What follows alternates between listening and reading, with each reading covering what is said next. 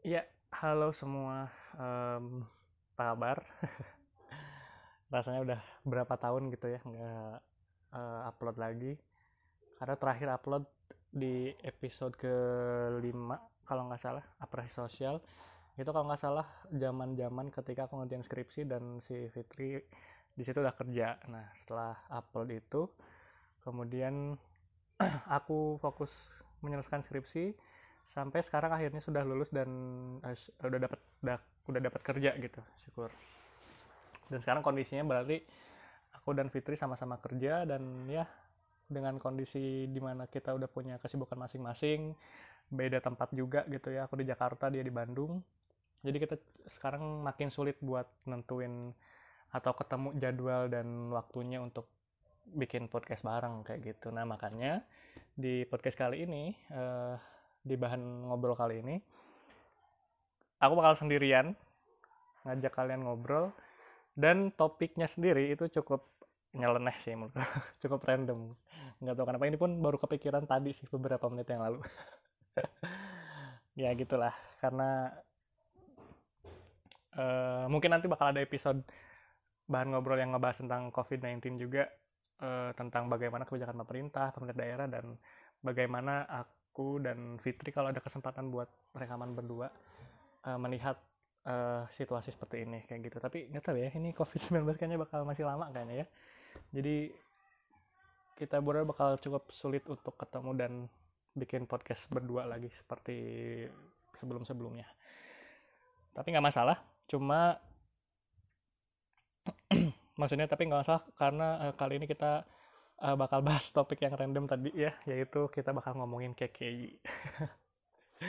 ya dari sekian dari berapa lima ya lima episode yang udah diterbitin di podcast baru ngobrol ini ya kayak rasa rasanya sih KKI ini yang rada nyeleneh gitu ya karena memang idenya spontan aja dan memang terinspirasi dari apa yang aku sendiri lihat di timeline uh, sosial media di Twitter gitu. Nah apa yang patut dibahas dari KKI bukan ke orang-orang membencinya kenapa aku membahas ini?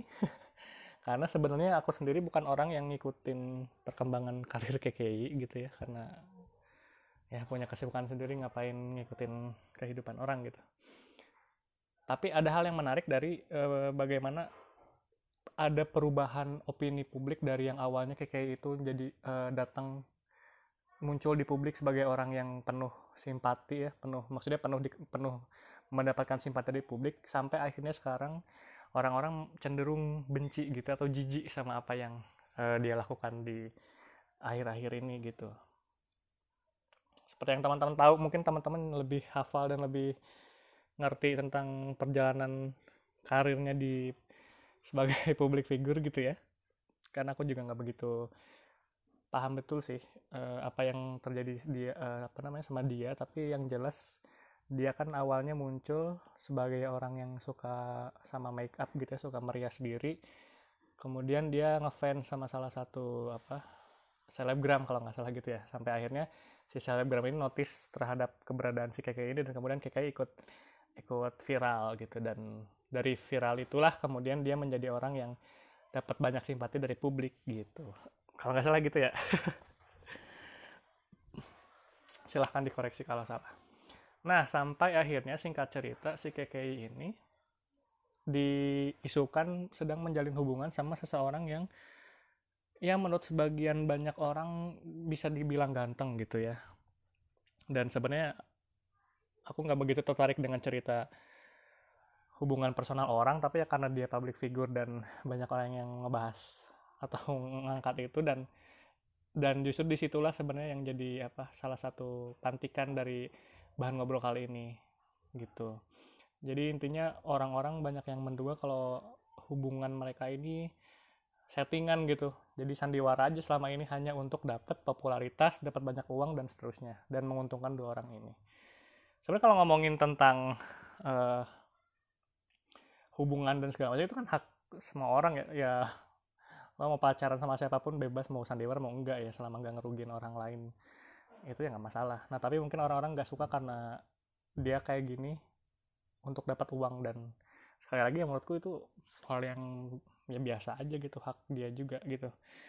Nah cuma yang kemudian jadi bahan ngobrol di sini adalah ketika kita seolah-olah benci sama sikapnya KKI tapi menurutku bukan KKI yang yang melakukan hal yang jijik gitu yang membuat kita jijik. Tapi kitalah justru yang suka untuk melihat hal-hal jijik. Kitalah justru yang tertarik sama hal-hal yang menjijikkan. Kitalah justru orang-orang yang tertarik dan apa dan uh, impulsif terhadap hal-hal hal-hal yang aneh yang jijik yang bodoh gitu.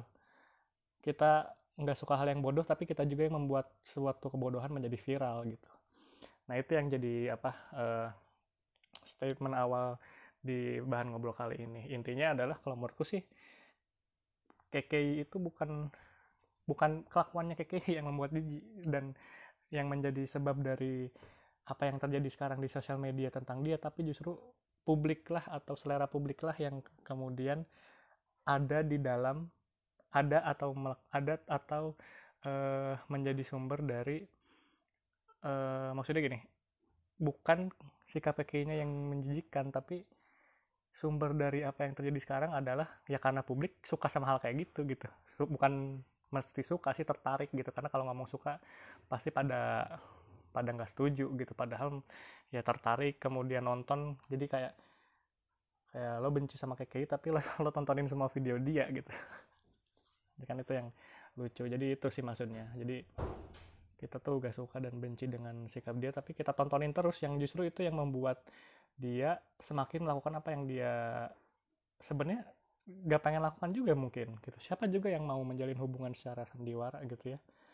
Dan kalau misalkan dia punya pekerjaan lain yang kemudian katakanlah lebih layak dan tidak memerlukan sandiwara pun aku sih yakin dia nggak akan melakukan itu juga gitu. Tapi kebetulan ada job untuk dapetin uang dan hanya itu satu-satunya dan kebetulan potensi ngasilin duitnya lebih besar ya makanya dia kemudian melakukan itu gitu.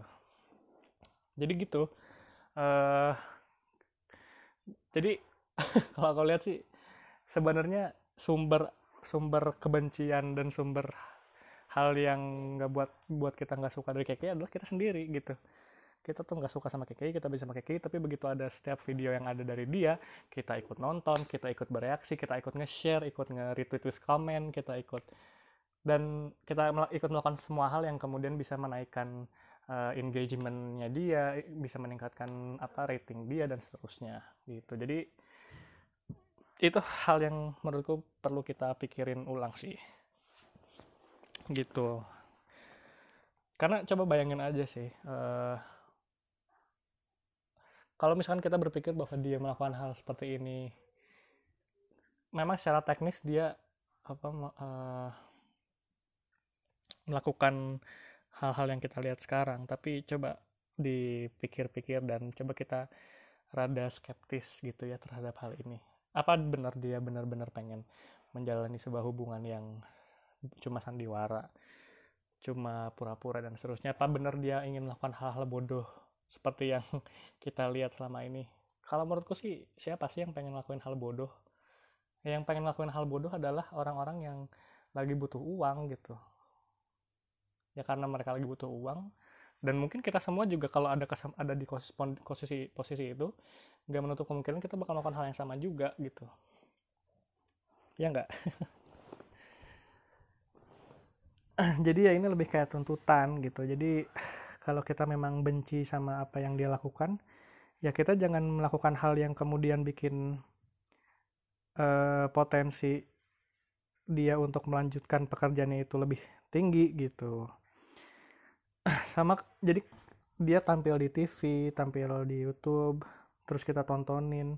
Meskipun kita tontonin dan komenin dengan hal negatif ya yang terjadi bukannya video itu hilang, video itu nggak ada atau dia stop, dia berhenti melakukan itu, yang terjadi adalah para para produser, para orang-orang di yang bekerja di media gitu, justru melihat ini sebagai peluang yang besar untuk menaikkan rating, mena apa memperbesar keuntungan mereka, pemasukan mereka gitu. Jadi sebenarnya yang kita lakukan ini justru sebenarnya yang menjadi alasan dari terjadinya yang kita sendiri nggak suka ini gitu. Dan aku pengen bilang sekali lagi bahwa uh, kita itu bukan jijik sama kelakuannya si Keke. Kita ini tertarik terhadap hal-hal segala hal yang kemudian bikin jijik gitu. Jadi sumber permasalahannya itu bukan sikap dia yang bodoh yang buruk yang menjijikkan tapi sum apa uh, sebab dari terjadinya hal semua ini adalah ya karena karena orang-orang tuh cenderung suka sama hal-hal yang nyeleneh sama hal-hal yang bodoh gitu karena kita cenderung tertarik sama berita-berita buruk, peristiwa-peristiwa yang buruk, sehingga si peristiwa-peristiwa buruk itu, berita-berita buruk itu justru yang kemudian selalu muncul di timeline kita semua, dapat mereka dapat uang lebih banyak dan seterusnya kayak gitu. Ya sama kayak sinetron lah. kita mengutuk uh, sinetron tapi kan kenyataannya orang-orang di luar kita masih banyak yang nonton sehingga selama masih selama pasarnya masih bagus ya orang-orang media itu bakal tetap bakal tetap memproduksi kebodohan-kebodohan ini gitu. Jadi besok-besok kalau misalkan kayak bikin video yang kita tahu itu hanya untuk memancing view atau memancing rating ya kita nggak usah tonton kalau emang kita nggak suka jangan malah tonton komen share gitu. Karena itu yang mereka cari dan itu yang selama ini menjadi sumber kenapa mereka melakukan itu lagi kayak gitu. Karena coba aja bayangin kalau misalkan kita uh, lebih memilih untuk nggak komen nggak nge-share dan kita lebih memilih untuk nggak nonton sama sekali video-video mereka. Besok ya mereka bakal melihat dan bakal sadar kalau ternyata orang-orang uh, di sosial media atau orang-orang pengguna sosial media udah nggak tertarik sama konten-konten bodoh itu lagi gitu Nah, yang jadi masalah adalah kita selama ini tertariknya sama konten-konten bodoh dan nyeleneh. Jadinya orang-orang media lebih ya tentunya karena mereka butuh uang dan dan apa dan itu yang mereka lakukan ya mereka memproduksi apa yang kemudian menjadi menjanjikan untuk mereka. Jadi yang harusnya diubah di sini adalah bagaimana perilaku kita dalam e, memilih tayangan, kemudian bersosial media kayak gitu. Itulah masalahnya kita itu selama ini ngeklaimnya benci sama sesuatu sama kebodohan tapi justru kitalah sendiri yang kemudian menjadikan kebodohan itu menjadi hal yang mahal di di apa di pasaran sosial media kayak gitu. Jadi kalau memang benar-benar benci ya nggak usah ditonton gitu. Kalau memang benar-benar nggak suka jangan diminati gitu. Karena yang bodoh kalau menurutku sendiri adalah yang bodoh itu bukan kontennya tapi yang bodoh itu adalah orang-orang yang ngerasa konten itu bodoh tapi tetap ditonton dan di share gitu. Ya sebenarnya uh, podcast ini nggak akan lama mungkin bakal selesai sekarang juga. Yang pen karena yang penting buat aku adalah aku bisa mengungkapkan ini dan mungkin teman-teman bisa setuju atau enggak silahkan nanti tanggapi di mana pun entah di replies IG story atau di Twitter atau di mana uh, silahkan menurut teman-teman seperti apa uh, apakah setuju atau enggak. Dan ya tadilah pesannya ya bahwa kalau memang kita tidak suka sama sesuatu ya jangan kemudian menjadikan sesuatu itu uh, malah jadi viral. Jangan malah kemudian membuat kebodohan itu atau sesuatu yang kita tidak suka itu jadi malah lebih populer gitu. Dengan cara ya kita tidak memberikan mereka atensi sedikit pun gitu karena begitulah cara kerja uh, orang-orang di media kalau misalkan emang kita suka kemudian orang-orang di publik banyak yang lebih suka nonton hal yang bodoh, hal yang nyeleneh, hal yang yang mudah viral karena bodoh tadi, ya mereka akan terus memproduksi itu. Jadi besok-besok ya kita janganlah nggak perlu nontonin itu kalau emang nggak pengen hal seperti itu viral lagi. Toh kalau misalkan besok-besok kita udah nggak tertarik sama hal kayak gitu, kemudian mereka besok memproduksi video seperti itu lagi, view-nya dikit, ternyata peminatnya berkurang, bisa dipastikan mereka besok-besok nggak akan melakukan itu lagi karena mereka tahu oh ternyata hal seperti ini udah nggak laku lagi dan KKI pun tidak akan melakukan itu lagi gitu. Dan aku sampai sekarang sejujurnya masih simpati lah sama dia karena aku yakin dia pun melakukan ini karena ya tuntutan cari uang juga gitu semua orang pasti bisa jadi ketika ada di posisi dia mungkin akan memilih hal yang sama juga. Cuma masalahnya kita kan lagi nggak ada di posisi dia dan yang kita bisa lakukan hanyalah spontan refleks untuk memberikan apa memberikan komentar-komentar negatif plus malah juga menaikkan rating apa yang dilakukan oleh KKI gitu. Ya jadi mungkin ini adalah uh, podcast tersingkat di antara episode-episode lainnya. Karena mungkin karena sendiri juga jadi nggak ada yang nanggepin gitu ya semoga kondisi sekarang bisa semakin membaik sehingga kita semua bisa beraktivitas lebih lancar lagi. Jaga terus kesehatan kalian dan jangan lupa cuci tangan jaga kesehatan jaga makan juga lah ya. Dan buat teman-teman yang uh, sekarang kondisinya semakin sulit di covid ini semoga kalian bisa tetap uh, tetap survive dan kita semua bisa segera kembali ber, bisa bertemu satu sama lain dalam kondisi yang lebih baik gitu ya. Karena semua orang dirugikan dengan kondisi ini kayak gitu. Itu aja mungkin uh, sampai jumpa di episode selanjutnya. Karena semua berawal dari bahan ngobrol